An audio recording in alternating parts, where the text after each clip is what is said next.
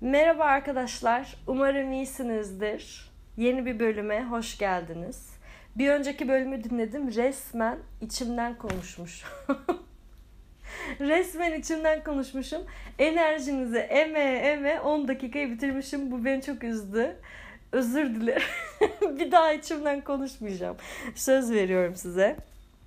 Bir yeni bölümde inanılmaz bir konu işleyeceğiz. Benim için inanılmaz bir konu. Benim için çok yeni bir durum. Alışmaya çalıştığım bir süreçle alakalı konuşacağız. Arkadaşlar ben taşınıyorum. Yurt dışına taşınıyorum. Ee, bununla alakalı da biraz konuşmak istiyorum. Takdir edersiniz ki. Çünkü başka bir şey düşünemiyorum bu ara. Tek gündemim bu gibi bir şey. Şimdi şöyle oldu. İşte Mayıs sonu Haziran başı gibi aşağı yukarı yani o dönemden bu döneme kadar işte yok mülakat süreciydi, yok kabul almasıydı, vize çıkmasıydı falan filan bir dolu detayla uğraştım. Ee, ve artık günün sonuna geldim diye düşünüyorum. Sadece şu anda bir işte vizem çıktı. O vizenin kart haline dönüşmüş bir, bir formu var. Onu bekliyorum. Biletimi falan aldım. Ee, Eylül başı gibi gideceğim. Kısmet olursa. Şu anki plan o. Ee, ama ben biraz bu süreçten bahsetmek istiyorum. Daha doğrusu hani teknik olarak işte şöyle mülakat geçirdim, böyle mülakat geçirdim gibi bir şey değil de yani söylemeye çalıştım. Bu süreç bana ne öğretti? Ee, ve bu düşüncede olan, taşınmak isteyen ya da işte eğitim görmek için yurt dışına gitmek isteyen vesaire bir sürü insan olduğunu biliyorum. Onlara da bir ön bilgi olsun istiyorum biraz. Yani şu an gitmedim. Öncesi parantez içinde öncesi süreci size ne öğretiyor gitmeden önce? Bu kararı alma aşaması. Ee, şimdi ilk bu evreleri var diyeyim yani aslında. Modunuz stabil olmuyor. En azından benim öyle olmadı. Hani ilk duyduğumda o okey böyle bir firmayla görüşeceğim böyle böyle bir pozisyon için. Bir kere iş ve pozisyon yani firma ve pozisyon beni çok heyecanlandırdı. Gerçekten hani ya evet bir yeteneğim varsa ben böyle bir iş için kullanmak istiyorum dediğim, hayal ettiğim bir işti hep. E, hayal et ettiğime yakın da bir sektör. Yani içinde bulunmaktan e, mutlu olacağım bir resim o resim benim. O yüzden o bir kere hoşuma gitti. Bir kere o, onu kafada okeyledikten sonra bir heyecan duydum. Yani gerçekten o mülakatların ilk dönemleri müthiş bir heyecan ve hani aa öyle çok iyi olur gitsem şöyle olur falan gibi böyle biraz optimistik geçiyor açıkçası. Daha sonra ama iş ciddiye bindiğinde fark ediyorsunuz ki papuç pahalı. Çünkü yani o kadar çok detay geliyor ki insanın aklına. Ben biraz pimpirikliyim belki o yüzden ama az ya da çok her insanın aklına gelir. Yani şey oluyor bu sefer. Bulunduğunuz bir konfor alanı var. Yani klasik şeyi söylemeyeceğim. Hani, konfor alanından çıkmak zordur vesaire. Hani bunun tripleri gibi değil. Yani bir başka şehre geçmek ya da aynı şehirde iş değiştirmek gibi değil. Çok fazla detay var günlük hayatta biz bu ülkede doğduğumuz için ve bazı konforlarla ve konforsuzluklarla dünyaya geliyoruz. Hepimizin aşina olduğu şeyler bunlar. O sahip olduğumuz konforları her yerde sahibiz zannediyoruz. Ama değiliz. İşte bununla bir yüzleşmek gerekiyor. Hani e, ülke değiştirdiğinizde aslında bir sürü o fundamentals'tan başlıyorsunuz yani gerçekten. E, bir tık öyle bir durum var ee, onu göze almak, daha doğrusu göze almaktan önce onunla bir yüzleşmek gerekiyor. Bunun farkına varmak gerekiyor. İşte o müthiş optimist geçen ilk evrenin ardından ikinci evre biraz bir şeylerin farkına vardığın, e, korku ve endişenin hafif hafif böyle zihne girdiği evre. E, bu Bunu şöyle ben hep gördüm. Okey bazı endişelerin olabilir. Evet şu an senin hem özel hayatın için hem profesyonel hayatın için bu adımı atmak hani böyle en iyi zamanda değilim açık konuşmak gerekirse. Yani hani e, henüz burada da işte şu anki firmamda çalışalı iki sene oldu. İki sene çok kısa bir süre. E, konfor alanımı henüz yeni oluşturabilmiştim. Nitekim bu eve taşınalı da iki sene oldu. Yani hem sosyal hem profesyonel olarak ben zaten e, konfor alanımı son 7 8 aydır hissediyorum. Yani onun öncesinde hissetmiyordum böyle bir konfor alanı. Şimdi 7-8 aydır biraz rahat erdim derken tekrar bir şeyleri yıkıp yeniden inşa etme fikri beni çok korkuttu. E, hala da korkutuyor. Ama şunu söyledim kendime. Sen bugüne kadar büyük bir ım, fail'ın olmadı yani özellikle profesyonel olarak. Özel hayatta çok oldu da. Şimdi profesyonel olarak bir fail'ın olmadı. E, yani dolayısıyla eğer bu bir hataysa da bu hatayı tanzim edici hani ne derler? Tanzim de demezler herhalde. Recovery hani. Söyleyemedim ya. Neydi o? Hatayı ne yapmak? İşte bak kaydı durdurmamak bu, bu durumlarda kötü. Ya anladınız işte telafi ha. Hatayı telafi edecek bir şeyin var önünde. Ee, süren var. Dolayısıyla git ve seni mutlu ediyorsa o, o gerçekten hani hayalini kurduğun gibi ise hem sosyal hem iş hayatı okey kal ve istediğin süre boyunca kal. Ama eğer mutlu etmiyorsa geri döndüğünde de burada hem kolayca işini bulabilirsin hem seni seven ailen ve arkadaşlarım var. Dolayısıyla e, bir şey kaybetmiş olmayacaksın fikrini kendime inandırdım. Daha doğrusu bu, bu bir gerçek ve hani bunu kabul ettirdim diyeyim. E, çünkü gerçekten şey oluyor hani inanılmaz evhamlara kapılabiliyor insan. E, konfor alanından çıkmak çok kolay bir şey değil. Özellikle de belli bir yaştan sonra e, ve belli şeyleri elde ettikten sonra. Hani kaybedecek bir şeyin yoksa bu hareketi yapmak çok daha kolay ama burada kaybedeceğim şeylerin olduğuna inanıyorum. Daha doğrusu kaybedeceğim değil. E, öyle bakmamak lazım Hani burada sevdiğim ve beni mutlu eden şeyler var. Ee, burada da benim için bir gelecek var. Dolayısıyla oraya gitmek acaba bir şeylerden vazgeçmek mi vesaire böyle çok insanı hırpalıyor yani bu düşünceler. Ama kendime dedim ki bu senin hep istediğin bir şeydi. Ee, dolayısıyla bunu eğer yapmazsan, bu kafa topuna şu an çıkmazsan hayatın boyunca keşke diyeceksin. Acaba diyeceksin ne olacaktı, nasıl gidecekti. Dolayısıyla bunu yapman lazım. Bunu yap. Nitekim o kararı aldıktan sonra şu refleks gelişti. Normalde ben bir karar alabilen ve müthiş şekilde arkasında durabilen biri değilim.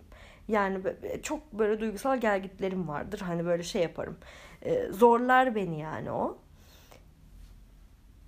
O ikinci evre bana karar almayı öğretti. Üçüncü evre ise aldığım kararın arkasına durmayı öğretti. Çünkü üçüncü evre şu demek. Okey abi bir teklif geldi. Sen bunu kabul ettin ve resmi süreçleri başlattın. Artık bu karar verildi. O andan sonra bir sürü to geliyor.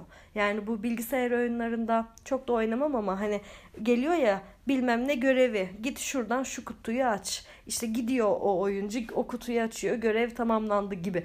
Aynen öyle tepeden sana görevler düşüyor bu sefer. Yok efendim konsolosluğa git. Yok efendim buradaki e, eşyalarını topla. Satacaklarını ayır.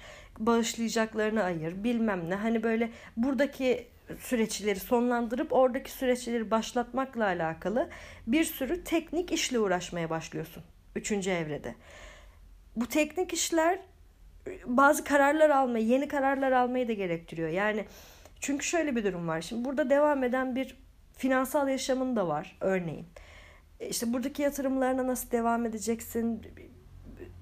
Nasıl mesela ben şeyi bile bilmiyordum en basiti ya.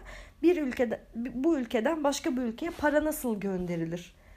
Hani Swift denen bir şeyle gönderiliyormuş. Ben açıkçası bunu bilmiyordum. Hani Swift diye orada yazıyordu hani internet bankacılığında.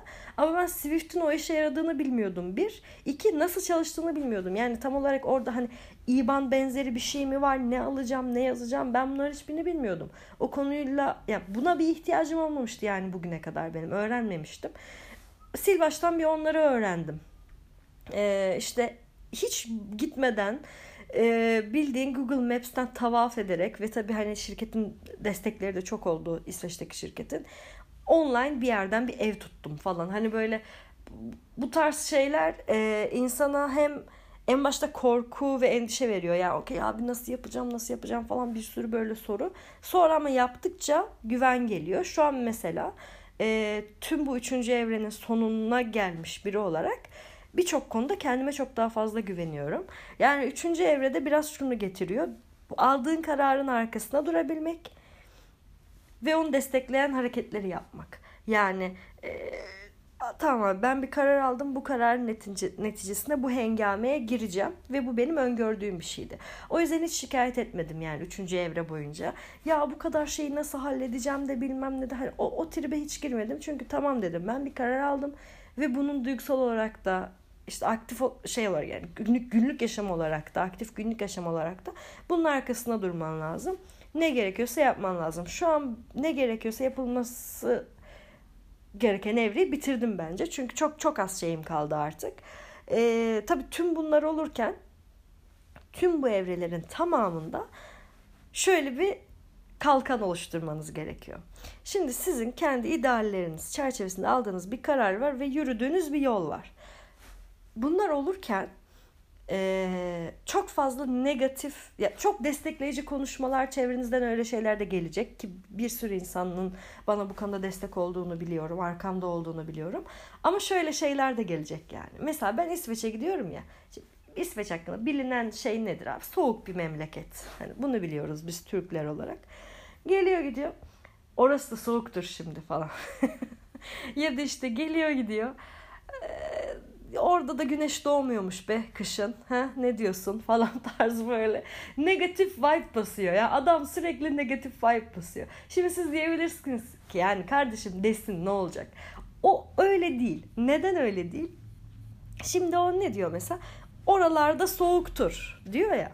İşte oralarda soğuktur cümlesini sen zaten o evham evresinde, ikinci evrede totalde 35 saat falan düşünmüş oluyorsun tamam mı?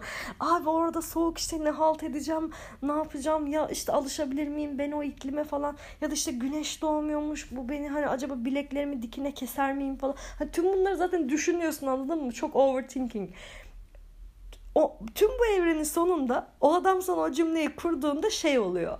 Hani 35 saat artı 3 saniye oluyor. o yüzden istiyorsun ki ona böyle patla. Ama işte onu yapmamanı sağlayan şey senin insanlarla arana bir şekilde örmek zorunda olduğun duygusal bir bariyer. Şimdi bu zaten bizim sosyal hayatımızda var. Yani bizim böyle bir bariyerimiz zaten var. Bazılarının daha alçak, bazılarının daha yüksek, bazılarının gökyüzünde. Ama azından boyunuzu aşan bir seviyeye kadar o bariyeri yükseltip kendinizi koruma altına almanız lazım. Eğer düşükse o bariyeriniz. Çünkü insanlardan çok kolay etkilenen biriyseniz o kadar çok fikir duyuyorsunuz ki size anlatamam. O kadar çok fikir. Her ne kadar insan tanıyorsanız açın bugün Facebook'u. Kaç tane gereksiz insan tanıyorsanız o kadar gereksiz fikirle yüz yüze olacaksınız. Bir de ben Allah kahretmesin bayrama denk geldim. Bayramda da benim bu işim kesinleşmişti. Bir akraba gidiyor, bir akraba geliyor. Hepsinin bir fikri var, hepsinin bir yorumu var. Bazısı iyi, bazı yer. İnanın iyilerini bile duymak istemiyordum artık. Yani çünkü yeter. Yani benim bile ses kendime sesli söylemeye çekindiğim bazı duygular var. Adam böyle bam bam yüzüne söylüyor. Oralarda soğuktur götün donar falan. Ya anladın mı? Hani ya tamam soğuk biliyorum bazı dezavantajları da var. Bunun da farkındayım ama ben bunu göze aldım. Ve senin bunu bam bam yüzüme söylemene ihtiyacım yok. Hani o özellikle o bayram bana çok şey öğretti. Dedim ki bir duygusal bariyer çekiyorsun ve okey sadece kendi fikirlerinin önemli olduğu bir bir dönem yaşaman gerekiyor sanırım. Hani içeri çok az insanın fikrini alıyorum şu anda zihnimin içine. Genelde biraz daha böyle mesafeli ve politik davranıyorum açıkçası bu dönemde. Çünkü aksi bir durum yani öyle olmaz ise devam edemem. Yani çünkü ben şu an gerçekten çok fazla detaylı uğraşıyorum. Çok fazla şeyi halletmem gerekiyor. Oraya gittiğimde zaten yeni bir mücadele başlayacak benim için. Yani oraya gittiğimde müthiş bir böyle konfor alanına gitmeyeceğim. Orada yepyeni bir mücadele başlayacak ve ben tüm enerjimi buraya verirsem boku yerim. Orada boku yerim ya. Anladın mı? O yüzden olabildiğince yani kendimden de ummadığım kadar dirayetli çıktım ben bu dönemde. Yani sizin de böyle challenge'larınız olabilir. Dikkat edin arkadaşlar. Ee, 15 dakika harcadık. Hiç de vallahi kesmedim şeyi kaydı. Zaten saçmaladığım noktalarda anladınız beni. Ee, teşekkür ederim. Bundan sonra böyle hani şeyler gelecek bu arada. Hani İstanbul Ankara versus'ları gibi. Ee, ben oraya gittiğimde kafamda şey var. Başka ülkelerde yaşayan arkadaşlarımla böyle ülke versus'ları yapmak gibi şeyler var. Çünkü çok ilginizi çekmiş o versus bölümleri. İstanbul Ankara'nın devamı da gelecek. Bir türlü organize olamadık. Yaz döneminde herkes tatilde şurada burada ama e, söz gelecek. E, yani bu şekilde benden. E, önümüzdeki bölümlerde çok büyük ihtimalle bu taşınmadır, yerleşmedir, İsveç'teki yaşamdır falan gibi bölümler çekerim. Çünkü takdir edin yani benim de gündemim bu. E, dolayısıyla bir süre artık bu kafada gideriz. Ama istek bölümler olursa zaten bana ulaşıyorsunuz. Her zaman da ulaşın. Ee, öyle şeylerde biraz kafa dağıtma, gündem değiştirme bölümleri de yaparız. Hepinizi çok seviyorum. Kendinize iyi bakın. Çok öpüyorum size.